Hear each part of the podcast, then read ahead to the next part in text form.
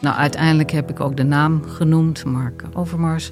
En toen hebben we lang over gesproken. En toen zei ik, heb je dat nou zelf ook wel eens meegemaakt? Ja, ja, ook zelf meegemaakt. Heb jij ook wel eens van die dickpics ontvangen? Ook. Ja, dat vond ik toch wel heel heftig. Ben je benieuwd naar deze verhalen en wil je niets missen? Via podimo.nl slash gonzo luister je 30 dagen gratis naar Gonzo op Podimo. podimo.nl slash gonzo Hé, maar dit is een herkenningsmelodietje van een hele andere podcast, toch, Chris? Ja, dit is uh, de herkenningsmelodie van... Man met de microfoon. Precies, een podcast, Chris, zeg het maar. Ja, vol echte en bijna echte verhalen. En wat is er nu bijvoorbeeld de laatste tijd in Man met de microfoon te horen? Uh, nou, verhalen rondom het bijzondere project Een Grote Bruine Envelop en mini-romcoms. Dus luister naar Man met de microfoon. Welkom bij Buitenlandse Zaken, een podcast van de Groene Amsterdammer. In deze podcast bespreken we internationale zaken en artikelen die in de Groene zijn verschenen. Buitenlandse Zaken verschijnt elke drie weken op groene.nl en op alle bekende podcastkanalen.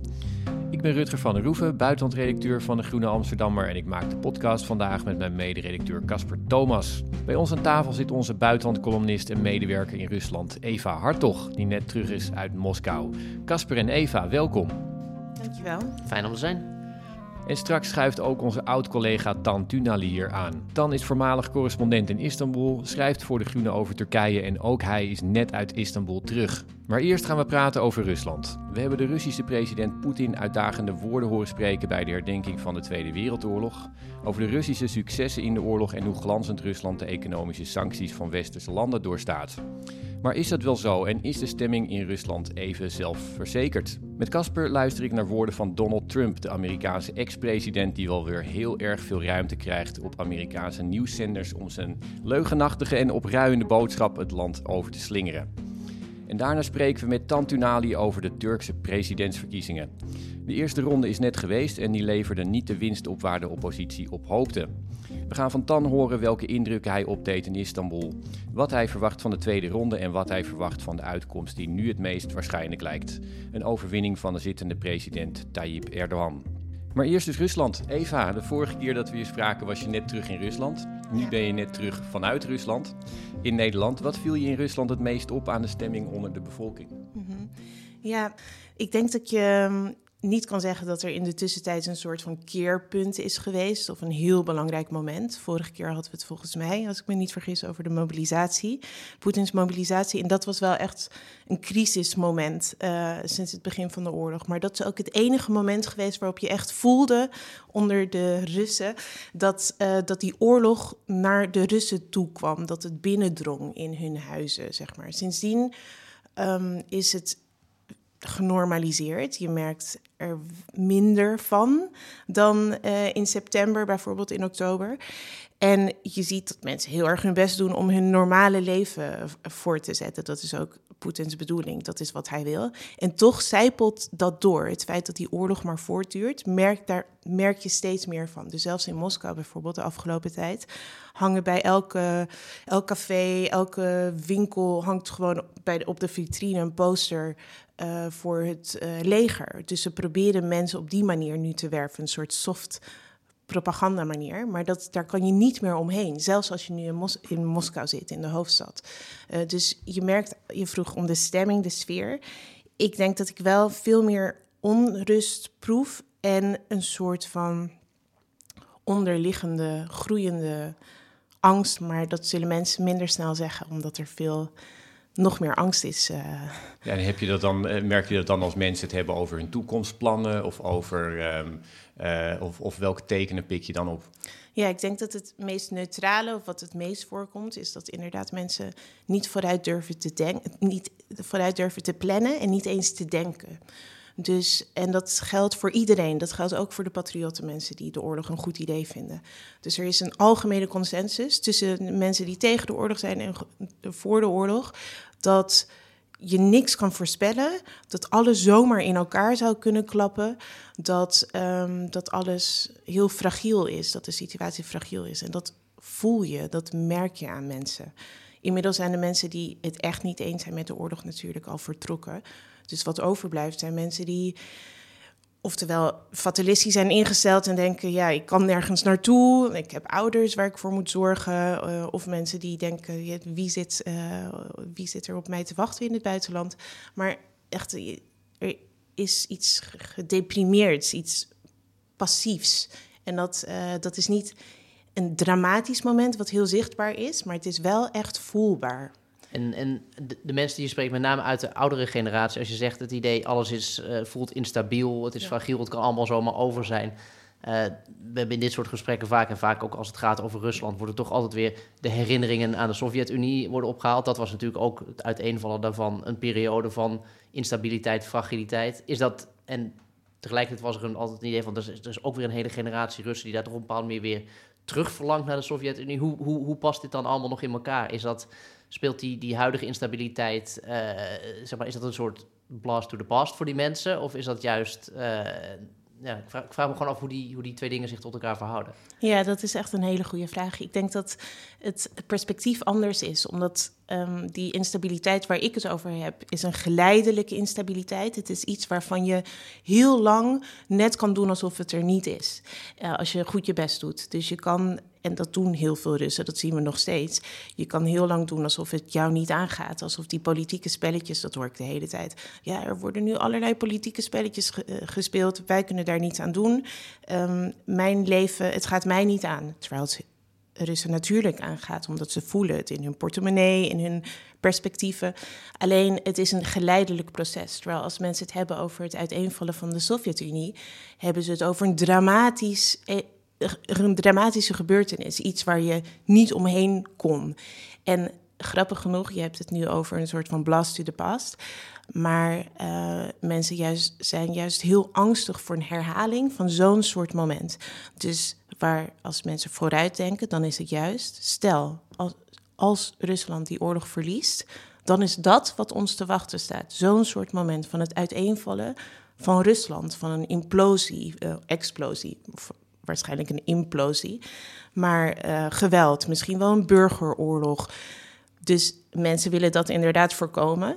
Maar in vergelijking met wat er nog zou kunnen gebeuren, voelt de huidige situatie voor de meeste Russen als stabiliteit. Ook al ja, brokkelt die stabiliteit onder hun voeten af. Maar het is natuurlijk ook een soort terugkeer van een, mentale terugkeer van de Sovjet-Unie, als, als ik dat zo hoor. De, doen alsof je allemaal niet doorhebt dat, dat de dingen um, eigenlijk niet goed lopen, jezelf niet uitspreken. Ik bedoel, je hebt het over het instorten van de, van de economie en, en de onrust van de jaren negentig, maar dat, dat, dat opgesloten land waar iedereen maar uh, zijn hoofd laag houdt, dat klinkt meer als, uh, als de tijd daarvoor. Ja, en dat verbaast mij echt. Ik uh, zit al tien jaar in Rusland en het verbaast mij hoe snel mensen zich hebben aangepast aan deze situatie.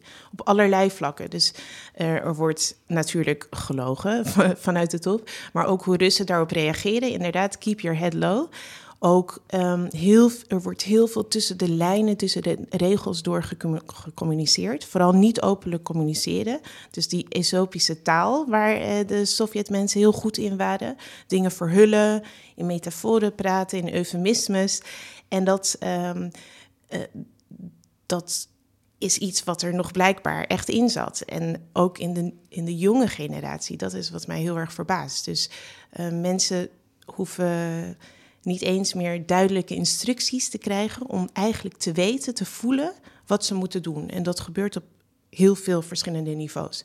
Dus je ziet nu bijvoorbeeld een enorme toename in zaken, rechtszaken voor uh, landverraad en spionage, wat minder. Want spionage, dat zijn twee, dat is eigenlijk dezelfde beschuldiging, maar dan voor buitenlanders of voor Russen. Dus als je een buitenlander bent, ben je een spion. Als je een Rus bent, ben je een verrader. En um, dat neemt nu dramatisch toe. Die jacht op spionnen en landverraders. En ook mensen die uh, zelf de autoriteiten schrijven of bellen met, uh, met berichten van... nou ja, ik zat in de metro en ik zag dat de jongen naast mij iets uh, aan het lezen was dat niet kan. Iets anti-oorlogs. En dat gebeurt, dat neemt nu toe, dat soort zaken. En dat is echt inderdaad gewoon straight from the Soviet Union. Oh ja, dat klinkt wel echt, echt um, angstig ook. Um, En je bent naar, toen je het over een metafoor had, je bent naar uh, Voronezh geweest. Je, je, had daar zelf de metafoor van een, van een, een, een stad die, uh, waar je de oorlog de hele tijd hoort, maar, maar tegelijkertijd niet echt ziet. Het ligt in de buurt van, van Oekraïne. Um, ja, daar ontmoet hij onder meer die hardcore oorlogspatriotten. Is dat inderdaad die, dat bord kartonnen juichvolk voor Poetin, wat we hier ons erbij voorstellen, of niet? Ja, ik was benieuwd naar de mensen inderdaad die de oorlog steunen. Overigens, even terugkomend op waar we het net over hadden, die mensen zijn ook bang, angstig om met mij te praten. Hè? Omdat ze, ook al steunen ze de oorlog, eigenlijk hebben ze alle juiste standpunten vanuit het Kremlin gezien. Maar zij zijn ook bang dat ze een telefoontje krijgen van de FSB of een bezoekje achteraf. Dus uh, het is niet makkelijk om met die mensen te praten, um, omdat ik een westerse journalist ben. En ze heel paranoïde zijn inmiddels. Um, maar ik was benieuwd naar wat er in die mensen omgaat. Want Voronezh ligt inderdaad op een paar honderd kilometer van de Oekraïnse grens, die heel veel mensen hebben. Dat geldt voor Russen in het algemeen, maar vooral in dat soort grensstreken hebben. Familie uh, in Oekraïne reisde vroeger heen en weer. Iemand zei, um, iemand vertelde mij, ja, nou ja, twee jaar geleden sprongen we gewoon in de auto naar Kharkiv in plaats van naar Moskou. Mos Kharkiv lag dichterbij voor ons gevoel dan Moskou. Dus die twee landen waren daar verweven. Um, en nu dus duidelijk niet. En ik zag toen ik daar rondliep uh, allerlei billboards, reclame voor vrijwilligersorganisaties. En ik dacht, en als we het hebben over vrijwilligers, dat zijn dan de Z-patriotten, de vrijwilligers die de Russische soldaten aan het front helpen met verschillende dingen.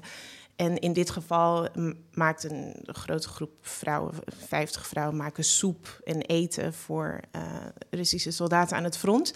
Dus ik ging ervan uit, ja, die mensen die steunen de oorlog blijkbaar, omdat ze dit naar hun werk doen. En we hebben het dan over chirurgen, juristen. Um, nou ja, mensen van allerlei beroepen komen thuis, s'avonds laat, hebben kinderen. En die gaan dan om 11 uur s'avonds nog kool zitten te snijden of uh, aardappelen schillen. En ik sprak een van die mensen, Yevgenia heet ze in mijn verhaal volgens mij, zonder achternaam. En zij, ze was zo emotioneel, ze was zo, dat verbaasde me echt, de, de pijn klonk gewoon door in haar stem. En zij, ze begon gelijk met het vertellen hoe verschrikkelijk ze het eigenlijk vindt, wat er nu gebeurt. En hoe tragisch en hoe, uh, hoeveel pijn het haar doet dat jonge jongens, Russisch, eh, jongens, ik zeg ik zei Russisch, maar dat is niet zo. Nu sterven aan het front en dat er mensen doodgaan. En ze zei: Ik bid, wij als groep bidden elke dag uh, om de oorlog te stoppen. We willen dat deze oorlog zo snel mogelijk stopt. Maar, en ze, ze vertelde mij ook een verhaal. Uh, een paar weken geleden kwam een jonge Russische soldaat bors ophalen, soep ophalen. En die jongen was niet ouder dan mijn zoon. Hij was rond de twintig, een jonge jongen. En hij was al volledig grijs. Uh, van de stress natuurlijk, van het trauma. En uh, ze brak nog net niet in huilen uit. Je vraagt me hoe zijn die mensen, staan ze op de barricades voor Poetin of juist. Er is een bepaalde groep mensen waarvan wij zeggen ze steunen de oorlog. En de vraag is, wat ik een interessante vraag is, van hoe uitzicht die, die steun, maar ook wat steunen ze precies? En in, in het geval van deze groep of deze vrouw, wat zij steunt is, ze wil jonge jongens, zoals zij dat noemt, helpen op welke manier ze dat ook kan. Maar zij ziet dat niet als um, iets slechts of iets wat bijdraagt aan het voortduren van die oorlog. Dus ze is en tegen de oorlog en ze wil Russische soldaten helpen. En dat kan dus, dat past in haar hoofd. En dat is iets wat uh, voor ons natuurlijk niet rijmt, maar voor heel veel van die patriotten wel. Ja, dat klinkt toch, uh, dat klinkt toch inderdaad anders dan ja, de boodschap die, uh, die, die Poetin verkondigt. Hij deed, dat, hij deed dat weer op 9 mei. Eigenlijk de, ja, ik weet niet of, dat, of, of jij het ermee eens bent, maar wordt vaak beschreven als de belangrijkste dag van het jaar in de Sovjet-Unie. En dan heeft hij ook een toespraak ja, die toespraak die werd hier in ieder geval beschouwd als eigenlijk een beetje een herhaling van de vaste punten die hij het afgelopen half jaar heeft, heeft nagelopen. En niet erg verrassend, wel, wel boos natuurlijk. Uh, en vervolgens was de parade uh, nogal tegenvallend. Je kunt ook denken, misschien was dat een heel lastig uh, balans die, die ze moesten zoeken. Want als je heel veel uh, materieel laat rijden, dan denkt iedereen, ja, is dat dan niet ergens anders nodig? Maar nu reed er één uh, tank uit de Tweede Wereldoorlog, wat toch ook wel in ieder geval leek alsof Rusland misschien gewoon niet meer zo sterk was. Als, uh, of althans, dat was een, een, lezing ervan. Hoe heb jij geluisterd naar die, die toespraak en, en gekeken naar die parade? Ja, die toespraak was inderdaad korter dan verwacht. En die parade was minder indrukwekkend dan voorafgaande jaren. Um, het, het ligt er ook aan wat voor verwachtingen je hebt. Dus wij verwachten eigenlijk van die 9 mei dat er iets heel belangrijks gaat gebeuren en dat Poetin met iets nieuws komt. En inderdaad, zoals jij zei, Poetin die, die heeft gezegd wat hij wil zeggen. en deze dagen is, als Poetin spreekt, is de vraag eigenlijk, dat schrijf ik ook in mijn column volgens mij deze week, uh, alleen hoe lang die toespraak gaat duren. Dus af en toe duurt het negen minuten, af en toe, dit, in dit geval was het twee minuten volgens mij, maar hij komt niet met iets nieuws. Het is die, dat, het spannende, spannende, zou je kunnen zeggen, uh, is er vanaf, omdat we weten waar hij staat. Het is anti-westers, uh, Rusland vecht tegen Amerika, tegen NATO. Nou, het riedeltje kennen we inmiddels wel. Voor, dus voor Moskou was het een soort van teleurstellend misschien moment, of minder indrukwekkend moment. En niet alleen voor Moskou, maar in heel veel steden, tientallen steden, was, was de parade afgelast. En ook de processie van Russen die dan elk jaar met een foto van hun uh, opa of uh, overgrootvader de straat op gaan. Dat was een enorm evenement. Dat was voor Russen een soort mass movement. Um, en dat was dit jaar ook gecanceld. En vuur, vuurwerkshows uh, zijn gecanceld. En het was echt, ik had echt het gevoel dit jaar dat die 9 mei, en dat is inderdaad een van de belangrijkste feestdagen, zo niet de belangrijkste feestdag dit jaar, juist een heel kwetsbaar moment was voor het Kremlin. Omdat voor het eerst wordt dan heel erg zichtbaar wat er niet is. Dus er waren niet heel veel tanks op het Rode Plein. Er werd van tevoren heel veel gediscussieerd, ook onder die Z-patriottengroep, die wij zien als één groep. Maar je hebt hele radicale mensen, je hebt minder radicale mensen, zoals die vrouw waar ik het net over had. Er was heel veel discussie over, inderdaad, precies wat jij net benoemde. Moet er wel militaire parade zijn? uh, als uh, we dat hard nodig hebben aan het front? Valt er überhaupt iets te vieren? Waarom vieren we een dag van de overwinning als die overwinning er nog niet is? En dat zijn de patriotten, dat is de hardcore uh, pro-oorlogkamp die dat zegt. Dus juist op die dag wordt heel voelbaar dat die overwinning, die er dus al binnen een week had moeten zijn, nu al voor de tweede dag van de overwinning op een rij er nog niet is. En dat is, uh, dat is een kwetsbaar moment in de samenleving. Valt jullie trouwens ook op hoe, hoe ouderwets op een bepaalde manier weer de, de, de journalistiek is die we hier op bedrijven. Dus dat, het viel me ook op toen, die, toen 9 mei was het inderdaad op alle nieuwszenders, alle kranten werd inderdaad een soort uitgebreid verslag van wat er allemaal wel en niet rijdt. Weet je wel van, oh nou, maar één tank dit jaar. ik, heb wel, ik heb dat in iedere bericht langs zien komen. En, en ook altijd weer even kijken wat Poetin gaat zeggen. En dan komt er altijd weer een soort Poetinsplaining. Uh, hoe moeten we zijn woorden dit keer weer duiden? Even, jij zegt net al terecht, eigenlijk zegt hij toch gewoon elke keer hetzelfde. Dus waarom zou je, zou je de moeite nog nemen? Tegelijkertijd, je moet er iets mee. Maar ik vind het toch, ik vind het toch op een bepaalde manier wat ik zeg. Het, is weer dat ouderwetse Kremlin-watchen wat, wat, wat, wat, we hier volgens mij bijna aan het doen zijn. Ja, ik ben het daar wel een beetje mee eens. Ik denk dat voor Russen is het een heel belangrijk ritueel. Dus voor hun, wat Poetin ook zegt, het feit dat Poetin daar dit jaar stond...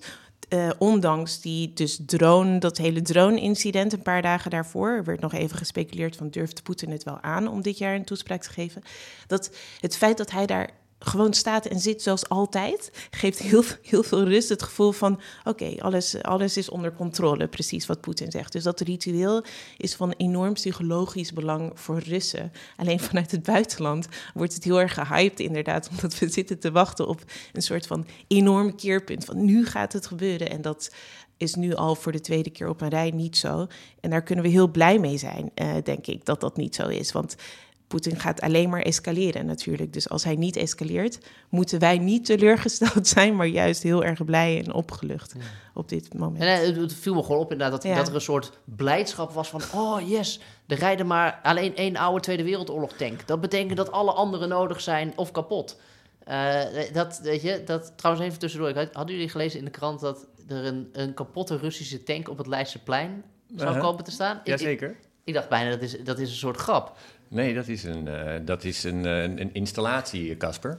Kunst. Om, uh, om debat uh, aan te jagen. Correct. Nou, het, Het het is het gelukt. gelukt. Nou, dat is bij deze dan. Ja, ik, ik vond het een vrij bizar gegeven. Ik bedoel, ik, bedoel, we zijn betrokken eh, indirect natuurlijk bij, bij wat er daar gebeurt. Maar of ik hier nou een, een kapotte Russische... ik bedoel, Dan kan ik mijn kinderen laten fotograferen op de, zittend op de loop van de tank... en zeggen, kijk, eh, die is dankzij ons kapot. Ik bedoel, wat wordt... Nou goed. Nou, kijk, ik weet niet wat, wat, de, wat de insteek precies is, maar ik denk wel dat je de vraag kan stellen: Goh, wij hebben het over de, de Oekraïne-oorlog als iets wat, wat heel ver weg is.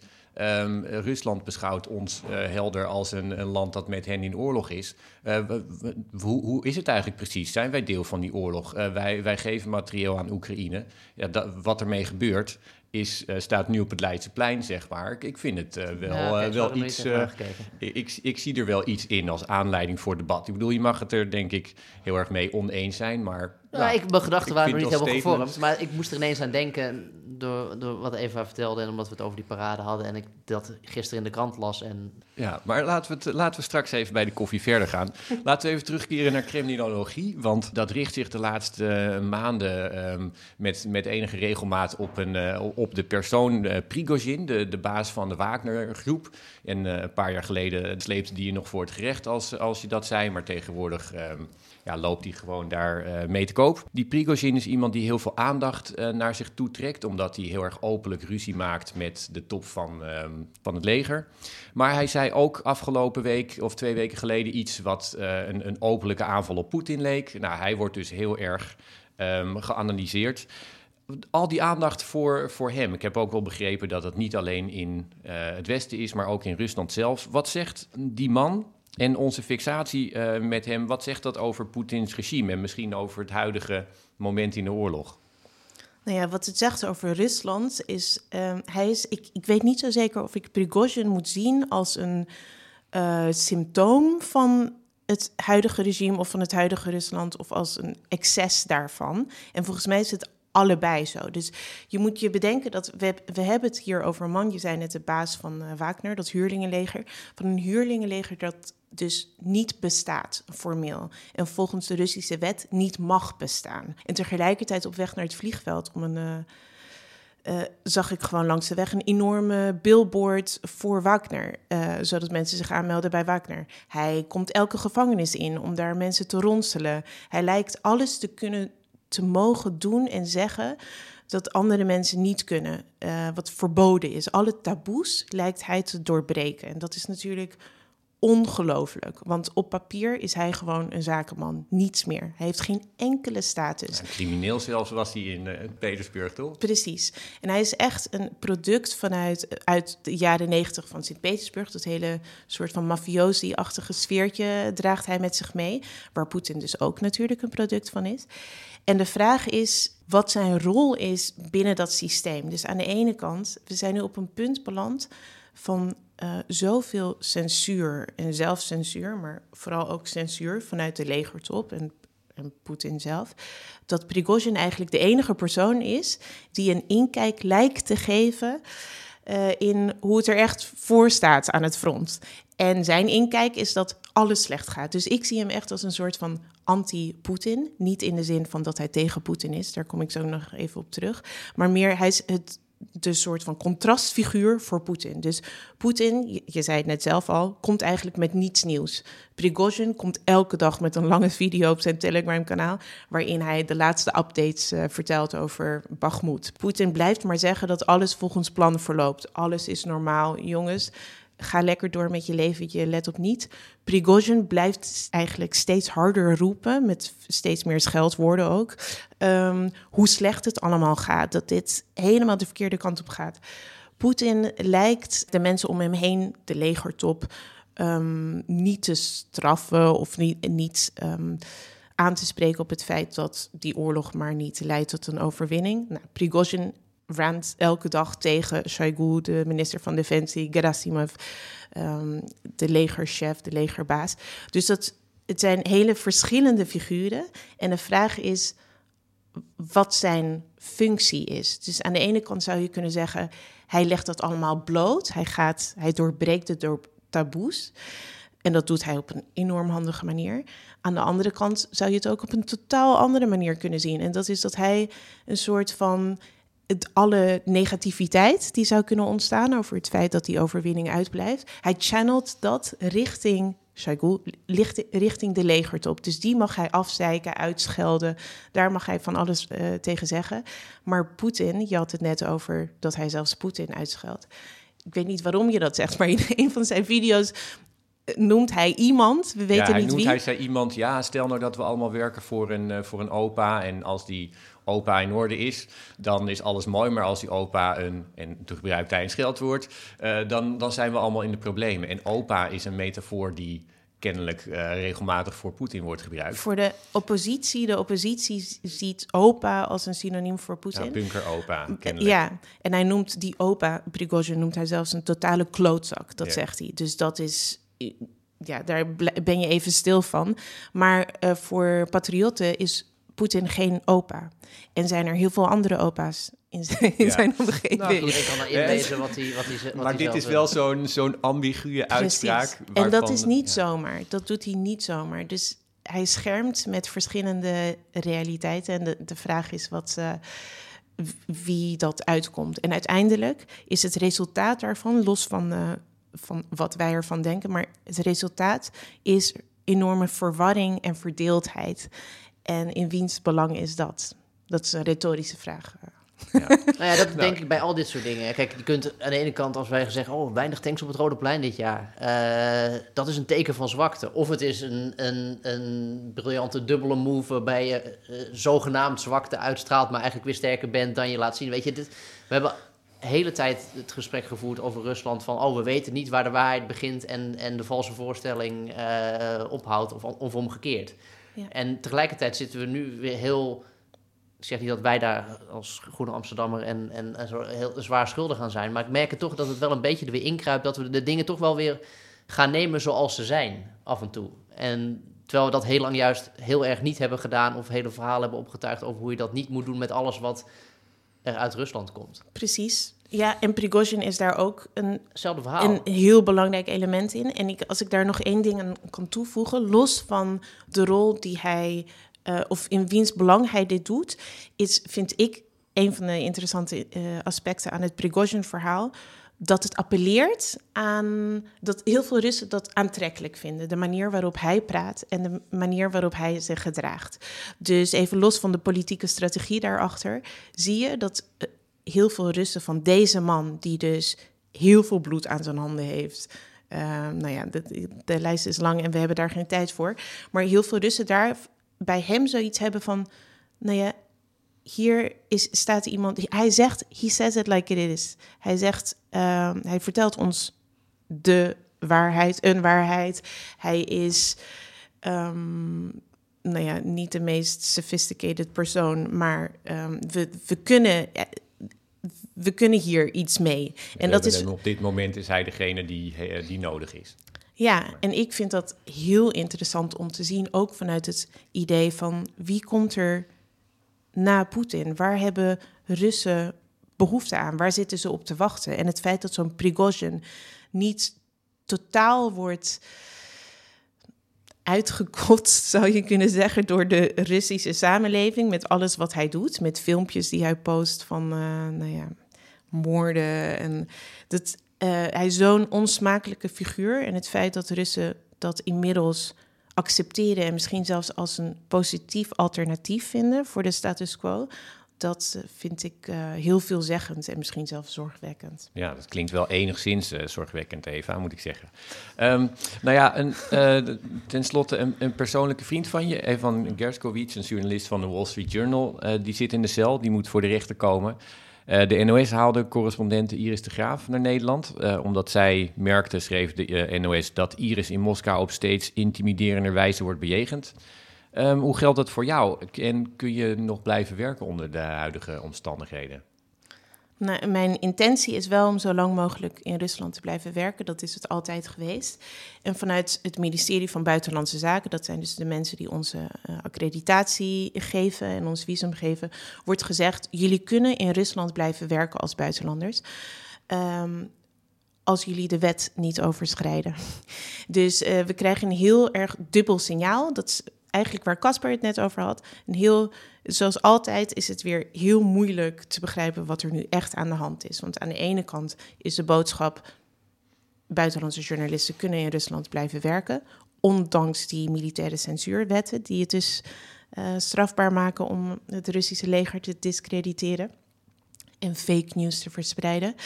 Um, en tegelijkertijd wordt een Amerikaanse journalist opgepakt voor het doen van zijn werk en beschuldigd van spionage. Dus het is heel erg moeilijk om te peilen in hoeverre het nog mogelijk is om daar te zijn en hoe gevaarlijk het is. Maar wat heel duidelijk is, is dat het echt een stuk gevaarlijker is vandaag dan zelfs anderhalve maand geleden. Dus uh, Evan zit nu meer dan een maand vast.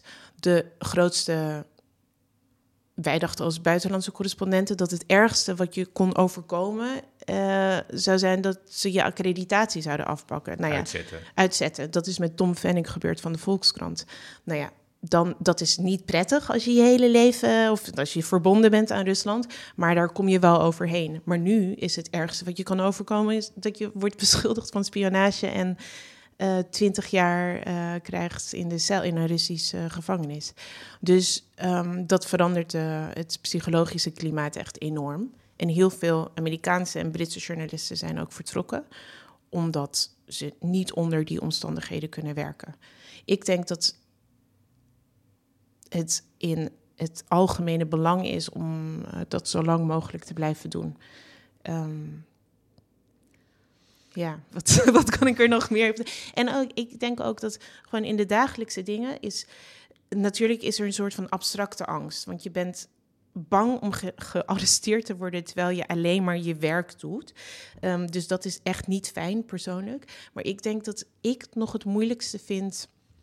Dat is voor mij de vraag of je je werk kan blijven doen in de zin van of mensen nog met je willen blijven praten. Want daar hang je vanaf. Dat is waar je stukken over schrijft. Dat is waarom je daar zit. En als het politieke klimaat, want dat geldt niet alleen voor buitenlandse correspondenten, het geldt ook gewoon voor Russen, zijn heel bang om steeds banger, dat merk ik echt, om met buitenlanders om te gaan.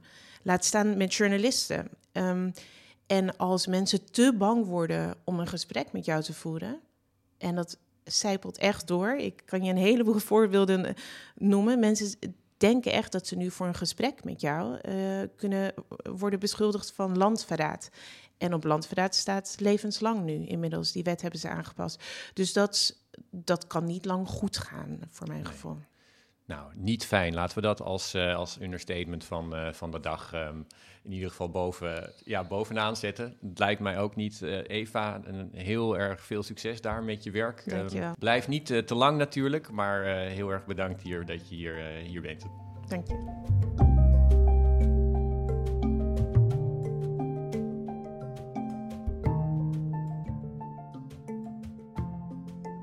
En dan nu historische woorden. Hij is al wel eerder in deze rubriek aan het woord geweest en hij is hier opnieuw. De voormalige Amerikaanse tv-persoonlijkheid en ex-president Donald Trump. We luisteren naar Trump tijdens een town hall bijeenkomst uh, vlak nadat hij was veroordeeld voor aanranding, die live werd uitgezonden door tv-zender CNN. I say to the Republicans out there, congressmen, senators, if they don't give you massive cuts, you're going to have to do a default. And I don't believe they're going to do a default because I think the Democrats will absolutely cave because you don't want to have that happen. But it's better than what we're doing right now. Because we're spending money like drunken sailors. So ja, Trump zei hier dat de Verenigde Staten, dat de Republikeinse Partij de Verenigde Staten failliet moeten laten gaan.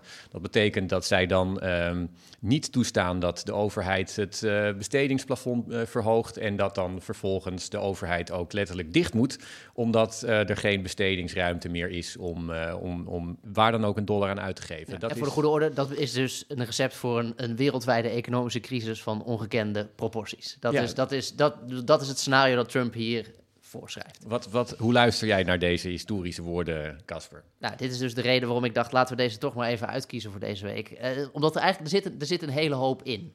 Um, ten eerste, uh, dit is dus Trumps politiek van de verschroeide aarde die je altijd ziet. Hij zegt, weet je, liever eh, de hele wereldeconomie in de waagschaal leggen en, en de Verenigde Staten failliet laten gaan. Hoe dat het land beter gaat maken, dat weet ik ook niet. Maar goed, dat, dat mag je vast nog in een andere town hall een keer uitleggen. Dat overigens gewoon een, een Amerikaans woord is voor een bijeenkomst waarin mensen vragen kunnen stellen aan een politicus. Wel gemodelleerd op het feit dat het ooit in een mooie uh, letterlijke town hall plaatsvond, maar nu kan dat dus overal zijn.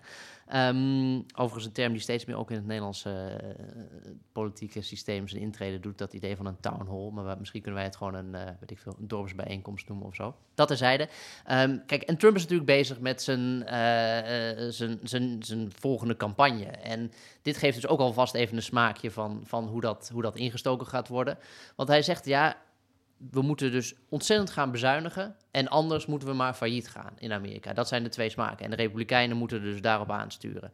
Wat interessant is, want Trump is nooit een president geweest van de massive spending cuts, zoals, het nu, uh, zoals hij dat er nu over heeft. Hij is juist eigenlijk altijd een president geweest die gewoon best wel flink heeft uitgegeven. En dus hij is geen, geen klassieke bezuinigingsconservatief, is hij nooit geweest. Maar blijkbaar presenteert hij zichzelf hier nu wel ineens weer zo. De vraag is, gaat dat volhouden? Ik denk dat hij het eigenlijk meer doet omdat hij gewoon dit is voor hem een spelletje. Uh, wie, wie knippert het eerst met de ogen? En, dan maakt de, en als de Republikeinen spending cuts willen, dan, dan gaat Trump daarin mee. Maar als president is hij nooit zo geweest. Dus de vraag is: is dat dan weer een breuk met zijn voorgaande beleid? Ja, ik denk dat uh, Trump hier vooral iedereen eraan herinnerde wat voor een, um, ongelooflijk geluk het toch is dat we vier jaar van hem uh, hebben overleefd als, als wereld en, en de Verenigde Staten in het bijzonder. Hij stelde inderdaad weer gewoon complete chaos in het vooruitzicht. En uh, had het ook over de, ja, als je, als je dat, uh, zeg maar, die chaos-politiek van hem nu op de wereld plakt. met wat er aan de hand is in Oekraïne, met uh, China en alle problemen die op ons afkomen. dan is dat, is dat echt een, een verschrikking. Hij had het ook over die oorlog in Oekraïne en vertelde dat hij daar in 24 uur uh, vrede zou krijgen. En hij wil vooral dat iedereen stopt met sterven, waar, waar toen hard voor werd geklapt. Dat komt er natuurlijk gewoon op neer dat die Oekraïne zou dwingen om uh, te accepteren dat uh, Rusland een, een, groot deel van hun land heeft, heeft bezet en, en in puin geschoten. Dus ja, dat, hij, hij gaf eigenlijk gewoon een mooie preview waarom het ook eigenlijk zo erg is dat hij weer, weer meedoet. Maar ja, daar kunnen we toch, toch ook gewoon weer niet onderuit. Nee, goed. En er was dus ook heel veel. En dat zie je de geschiedenis zich weer begint te herhalen. Dit, dit werd inderdaad live uitgezonden door CNN. Uh, er is een enorme discussie losgebarsten in Amerika binnen CNN en, en ook daarbuiten van. Wordt weer dezelfde fout gemaakt dat, uh, dat, dat, dat alles maar een platform kan krijgen? Was, was dit een goed idee van CNN om het uit, uit, uh, uit te zenden? En het is ook wel interessant, want in die jaren dat Trump in het Witte Huis was, was CNN was de grote vijand. En als je Amer Republikeinse kiezers interviewde, dan was het altijd: je bent toch niet van CNN, hè? Want dat, dat, dat was ongeveer het ergste dat je op je, op je perskaart kon hebben staan. Uh, maar nu blijkbaar is het op het moment dat, het, dat, dat de gelegenheid zich voordoet, is het prima om even via CNN uh, op te roepen tot het failliet van de Verenigde Staten. Dus goed, het is het klassieke, klassieke opportunisme, dat, dat, dat zit er wel in. Tja, trouwens, Casper, ik denk dit is, uh, dit is het moment om uh, een, een, historisch moment ook. Want ik heb hier een, uh, een cadeau wat een vaste luisteraar Stan heeft meegenomen uit ehm, de Verenigde Staten voor ons. Ik, uh, ik, ik, Waar komt dit nou vandaan? Jij mag dit gaan, uh, gaan uitpakken. Ik schuif nu een, uh, een tas over de tafel naar Casper toe. Casper, ik, wat? Nou, ik beschrijf het hier even voor de, voor de luisteraars. Ik krijg hier een, een, een wit papieren tasje. Ik ben zeer verrast, want normaal, wat ik zeg, Rutger is meer van het script. Ik ben van het ontregelen van het script. Maar dus ik moet, dit is Totaal een ontregelde redacteur zit hier nu voor me. Nou, er staat op de store at LBJ, dus de, de winkel van Lyndon B. Johnson... met een, een getekend portretje van de ex-president in zijn karakteristieke houding voorovergebogen. Dus zo intimideerde hij altijd mensen. Hij was erg lang. Zo kreeg hij alles gedaan door naar je toe te buigen en, en dicht in je gezicht te spreken over wat er allemaal moest gebeuren. Ja, dit is dus, dus de LBJ, is, is, is Johnson en dit is de officiële LBJ Library. Dus dit komt uit, de, uit Texas. Kijk. Casper is nu aan, uh, aan het uitpakken en daar komt hij. Ons eerste... Eh, ah, de buitenlandse Donald Trump zaken. Riddlehead. Dus dat, eh, dit is, eh, dit- die, was in de, die was in de aanbieding, denk ik, of niet? nee, Eh, nee, nee, het is nog veel mooier. Maar hoe kan je die nou bij de store at LBJ kopen? Nou, die werd dus, Casper, onder de toonbank verkocht. Ja? Alle presidenten stonden daar op, de op, een, op een rijtje. Maar ehm, dus, nou ja, onze vaste luisteraars dan vroeg of Donald Trump er ook was. En die kwam letterlijk onder de toonbank vandaan. Maar ehm, is dus wij- nu hier in, in Amsterdam. Kijk. En gaat vervolgens knikken naar onze, naar onze Buitenlandse Zaken podcast. Oh jee. Ik hoop niet dat dit een eh, vooruitverwijzing is. Ik heb Nee, trouwens nee, zelf, die, die staat als het goed is daarboven. We zitten in de, in de kamer van de hoofdredacteur. Er staat ook een, eh, een Joe Biden action figure. Eh, die heb ik ooit voor Xandra meegenomen. Nadat, die was op een gegeven moment ook in de aanbieding. Omdat mensen dachten, weet je, Biden, die gaat het toch nooit worden. Dus eh, dit was tijdens de voorverkiezingen en, en het allemaal niet zo heel gunstig voor hem eruit zag. Dus op een gegeven moment was dat ding in de aanbieding. Dacht ik, nou, dan, dan koop ik hem toch maar. En eh, Tja, dankjewel Casper. En dankjewel voor, eh, voor dit geschenk uit Texas.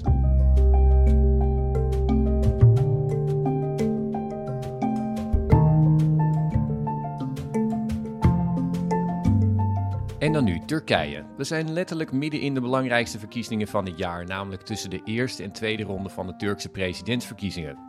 Vorige week won de partij van de zittende president Erdogan de presidentsverkiezingen, maar Erdogan zelf haalde net niet genoeg stemmen om in één ronde zijn uitdager Kemal Kılıçdaroğlu te verslaan. En dat hadden toch weinig mensen verwacht.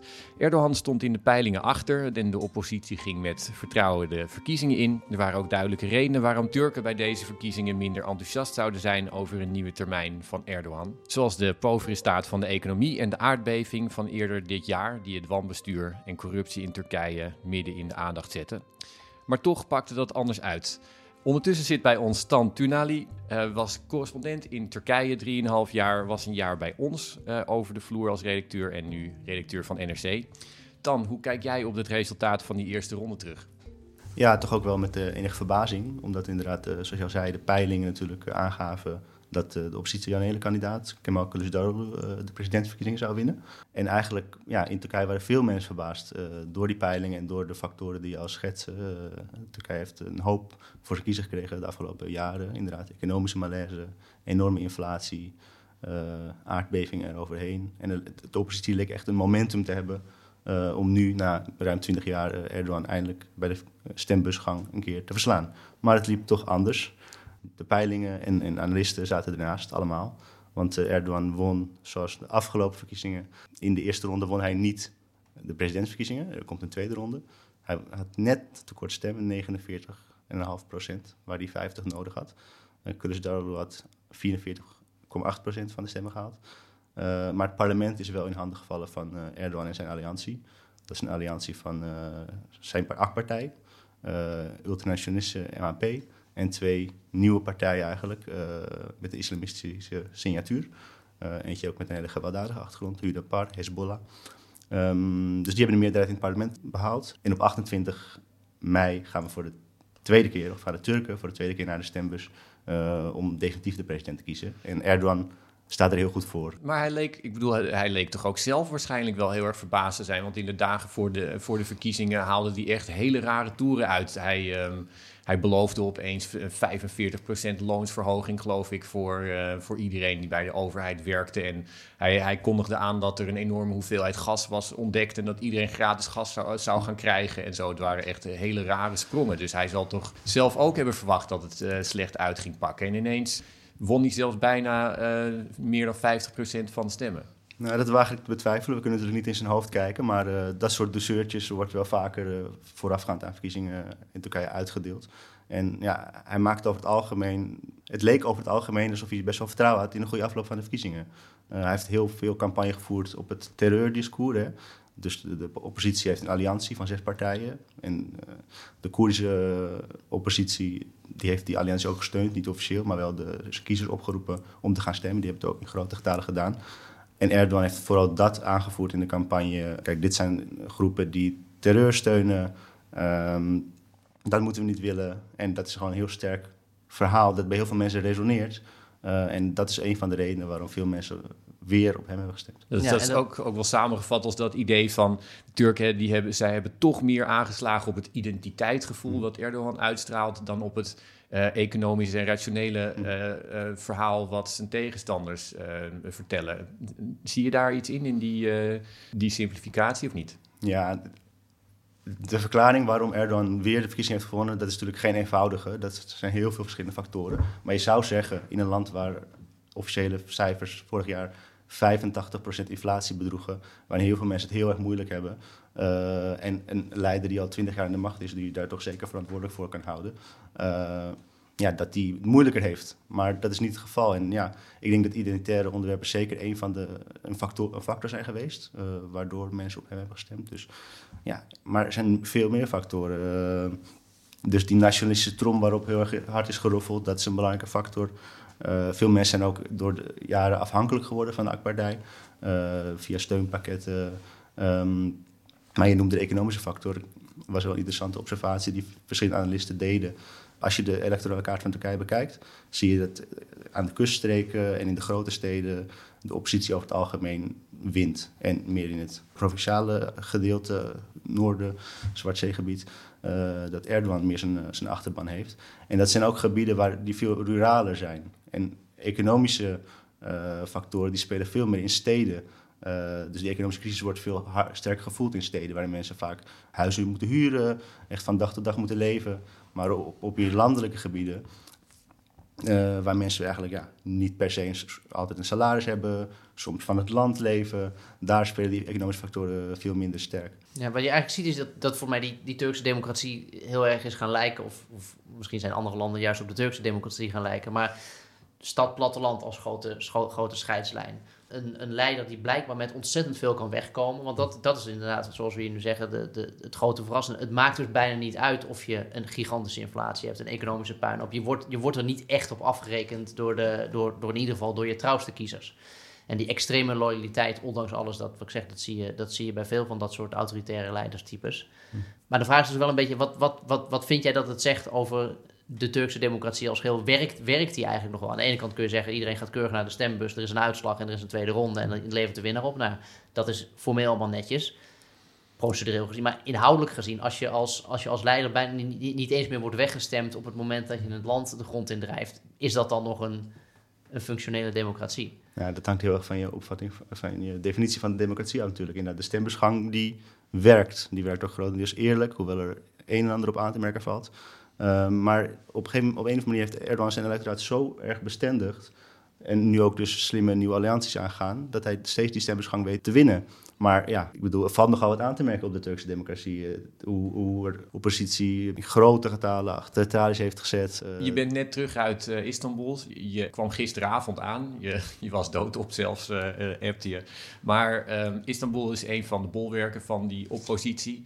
Hoe was de, was de stemming daar? Was daar ongeloof en, ehm, eh, en, en, en boosheid? Of, of, of meer een soort ehm, ja, hoop voor de tweede ronde toch? Of hoe, hoe vat je dat op? Onder de oppositie heb je dan met name over natuurlijk. Hè? Ja, want eh, Istanbul is net Turkije een heel erg verdeelde stad. Ik heb hier de uitslag voor me. En uh, Kılıçdaroğlu heeft 48% van de stemmen gehaald. En Erdogan 46% van de stemmen in de presidentsverkiezingen. Dus dat is ook heel verdeeld. Maar als je het over de oppositie hebt, ja, dat was natuurlijk fr- frustratie, verdriet, eh, ook wel een beetje ongeloof. Men had echt gehoopt nu de verkiezingen te winnen. En als dat je verwachting is en als je dan toch niet redt. En ook het perspectief voor de tweede ronde is behoorlijk slecht voor de oppositie. Eh, er is nog een derde kandidaat, Sinan Oğan. Uh, die haalde 5% van de stemmen. Daarvan moet die oppositie nu proberen stemmen af te snoepen. Want de, de opkomst was heel erg hoog. Dus nieuwe mensen naar de stembus uh, krijgen is lastig. En ja, het, men moet 2,5 miljoen stemmen goed maken. En als je weet dat het electoraat van Erdogan altijd heel uh, trouw is, trouw is uh, is dat een heel erg lastig verhaal. Dus men probeerde positief te blijven. Maar eigenlijk klonk wel door dat ze, men verwachtte dat uh, de tweede ronde weer aan het kortste eind zullen trekken. En dat ze nog vijf jaar met Erdogan door moeten. Als het onder deze omstandigheden uh, niet gebeurt, op het, moment, dat onder deze omstandigheden Erdogan nog steeds wint, dan zijn er toch geen omstandigheden denkbaar bijna waar, waaronder hij zou kunnen verliezen. Als je inderdaad een verenigde oppositie hebt, economische tegenwind, de aardbeving, vermoeidheid misschien. Nou goed, tel het allemaal maar op. Als, als dat bij elkaar op, niet optelt tot een, tot, een, tot een verlies bij de stembus, dan ben je toch eigenlijk praktisch onoverwinnelijk. Ja, nou ja, de, de, feiten spreken voor zich. Ik bedoel, de tweede ronde is nog niet... Uh, wie weet zit er een verrassing in. Maar die kans lijkt me erg klein. En inderdaad, uh, zijn track record uh, bij verkiezingen spreekt voor zich. hij heeft gewoon alle verkiezingen sinds hij de macht is gewonnen. hij heeft wel een keer een verkiezing parlementair minder goed gescoord. De AK-partij heeft trouwens deze parlementsverkiezingen ook minder gescoord. Maar doordat ze die alliantie zijn aangegaan... hebben ze nog steeds een meerderheid in het parlement... En ja, haalt hij dus waarschijnlijk de meerderheid in de tweede ronde. En daar is Erdogan ook heel goed in. Steeds weer een soort van het machtsspel opnieuw spelen. Kijken wie hij nodig heeft om zijn meerderheid te behouden. Uh, veel Europese landen die, die hopen stilzwijgend toch dat hij, uh, dat, dat hij verliest. Maar aan de andere kant is er ook die, uh, dat, dat ene aspect waar, ehm, waar wel met enige zorg naar wordt gekeken. Dat die oppositiekandidaat, uh, Kılıçdaroğlu, heeft beloofd dat hij alle Syrische vluchtelingen mm. binnen twee jaar uit Turkije zal zetten. Wat natuurlijk betekent dat ja, wellicht een deel teruggaat naar Syrië, maar dan een, een, een heel belangrijk deel uh, door zal reizen naar Europa. Dus dat betekent misschien juist uh, weer, weer nieuwe problemen voor, voor de Europese landen.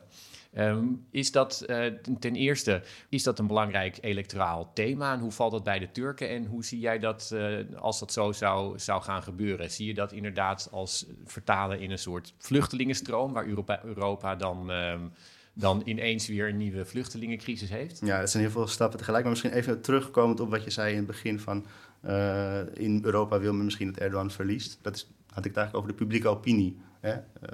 Algemeen gesproken.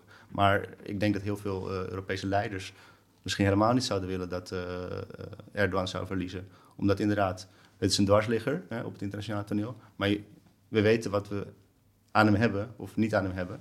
En als een bewind zou veranderen, zou dat misschien dat hele andere nieuwe relaties weer uh, vergen en heel veel moeilijkheden. En Europa heeft natuurlijk nu zijn handen vol aan Oekraïne. En aan het uh, einde is hij ook altijd wel weer om te kopen met een een of andere grote concessie. Mm -hmm, In die zin mhm. bedoel je dat ja. of niet? Ja, ja zeker.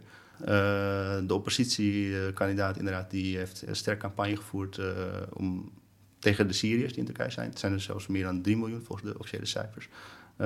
ja, die zijn een beetje in die economische malaise tot een soort zondebok van alles ongeveer gemaakt.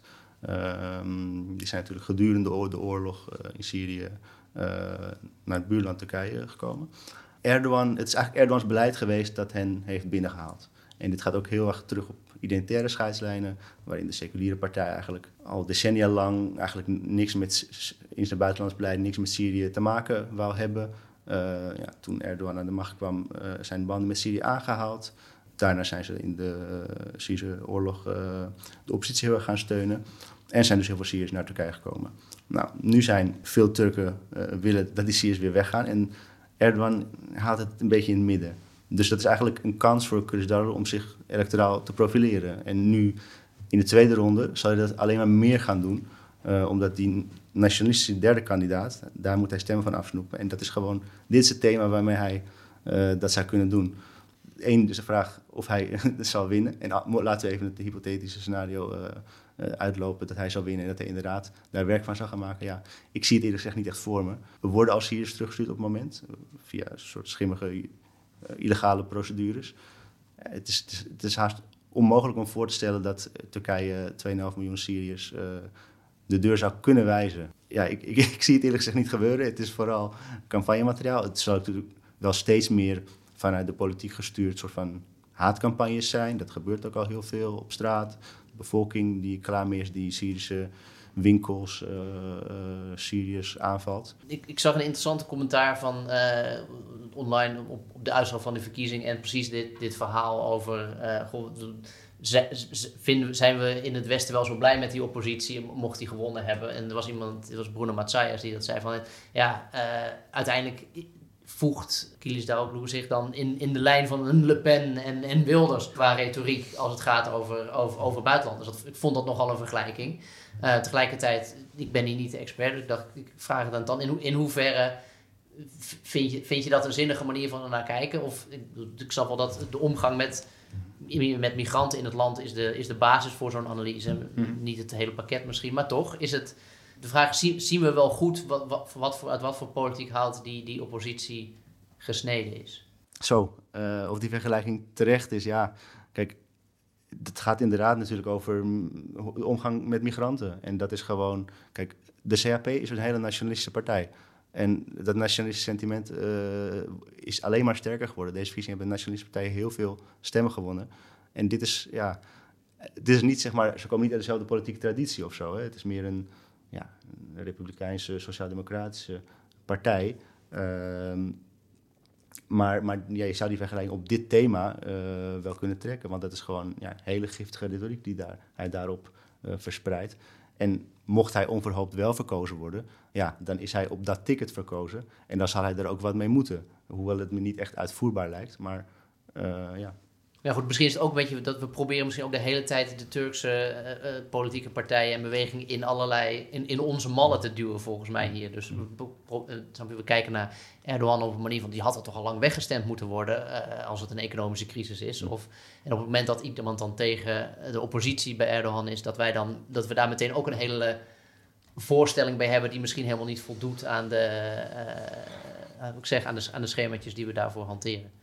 Ja, dat lijkt me best een uh, goede observatie. Dat is natuurlijk, ja, ieder land heeft een beetje een open deur, maar heeft zijn eigen politieke realiteiten. En uh, ja, het is een, ik denk dat het een goede lens is om naar te kijken, gewoon als een autoritair leider, een heel pragmatisch leider. Nou, Erdogan heb ik het dan over. Ja, die natuurlijk uit een islamitische traditie komt, politiek, maar zich, ja, en ook dat gebruikt, net zoals hij nationalisme gebruikt, om kiezers uh, voor zich te winnen en voor zich, bij zich te houden. Maar ja, dat is denk ik een goede lens en niet zozeer uh, West-Europese leiders. Of. En, en als hij dan uh, inderdaad die vijf jaar blijft, uh, stel dus straks de tweede ronde. Ehm, je zag al wat, ja, wat leidzaamheid dat hij ehm, dan toch misschien vijf jaar zou blijven. Wat verwacht je daarvan? Denk je dat um, dat, dat eigenlijk een beetje een soort gestold presidentschap wordt, waarbij, hij, waarbij veel continuïteit is? Of denk je dat, er, dat hij de komende jaren dan ook echt uh, door wil pakken met um, grote thema's. Dat in, de regio, in de regio heeft Turkije nog steeds wel enig aanzien. Hè? Dat vergeten we ook wel eens. Ik zag toevallig het kaartje van de buitenlandse kiezers. Hè? Mm -hmm. In alle omlicht, Turkije omliggende landen hebben mensen in, in, meerderheid voor Erdogan gestemd. Nou, dan heb je een aantal West-Europese landen, Nederland, Duitsland, waar het ook zo is. Maar de rest van de buitenlandse kiezers hebben voor de oppositie gestemd. Uh, maar goed, ik denk ja, dat Turkije vooral zijn handen vol heeft aan de economische uh, problemen waar het voor staat. Ik denk dat we meer van hetzelfde kunnen verwachten. Uh, Erdogan af en toe als dwarsligger, af en toe als iemand die op de nationalistische trom roffelt om zijn, zijn, kiezers voor zich te blijven winnen. en dat kan misschien soms een conflict met uh, verbaal conflict met uh, westerse landen zijn. Ja, ik, ik, denk ook dat we heel veel verder autoritair leiderschap kunnen verwachten. Ik bedoel, Turkse democratie, uh, dat altijd een soort problematische democratie is geweest, die is natuurlijk heel erg uitgekleed. En ja, herstel daarvan, dat zou heel, ook heel veel tijd vergen. Ik bedoel, de AK-partij heeft de afgelopen twintig jaar alle, alle staatsinstituties onder zich gebracht. Dus je hebt eigenlijk een, nou, dat zien we in Syrië. Er zijn heel veel landen waar dat het geval is, maar dat is natuurlijk problematisch voor een, uh, een democratie. Ik, ik, vind het heel moeilijk te voorspellen hoe dat hier, vijf jaar hier vandaan zou zijn, maar dat zou niet beter zijn. Dat is, dat is Zit er uh, een, een, grondwettelijk einde aan het aantal termijnen? Dat, dat... Poeh, dat is een goede vraag. Uh, presidentieel stelsel is natuurlijk in Turkije in 2018 ingevoerd. Dus dit wordt zijn tweede termijn als president ik weet niet. Ik, dacht, ik meen gelezen, maar goed, dat, ik, nou, daar hebben presidenten in de hele wereld hebben daar een oplossing ik voor. denk dat Erdogan daar wel een oplossing voor zou hebben. Nou ja, Erdogan heeft wel maar... een traditie van, laten we zeggen, inderdaad, ik verwissel van rol op het moment dat ik daarmee langer kan aanblijven. Mm, ik schuif mm, ja. verkiezingen om, om even lang kan aanblijven. De Medvedev-constructie, dus ja. Ja, dat, dat, dat, dat is waar ik een beetje op, uh, op doelde. We gaan zondag kijken. Dankjewel in ieder geval dat je hier was. Dat je is. Dit was Buitenlandse Zaken, een podcast van de Groene Amsterdammer. U hoorde Eva Hartog, Tan Tunali, Casper Thomas en Rutger van der Hoeven vanuit Amsterdam. De podcast werd gemaakt door Giselle Mijnlief. Abonneer je op Buitenlandse Zaken via ons kanaal in je podcast-app en zet de notificaties aan, dan mis je nooit een uitzending. Meer buitenland kunt u vinden in ons weekblad en op de website. Deze week vindt u onder meer een reportages van Sharifa Bagalou en Adrian Estrada vanuit Suriname en de column van Eva Hartog vanuit Moskou. En volgende week vindt u onder meer de nieuwsanalyse van Tan Tunali en Constance Lech over de Turkse verkiezingen, Tjitske Linksma over het Oekraïne-tribunaal dat Vladimir Poetin op de korrel heeft en Minka Nijhuis over Myanmar. Dank voor het luisteren en als u meer van ons wil lezen of abonnee worden van de Groene Amsterdammer, ga dan naar www.groene.nl. Thank you.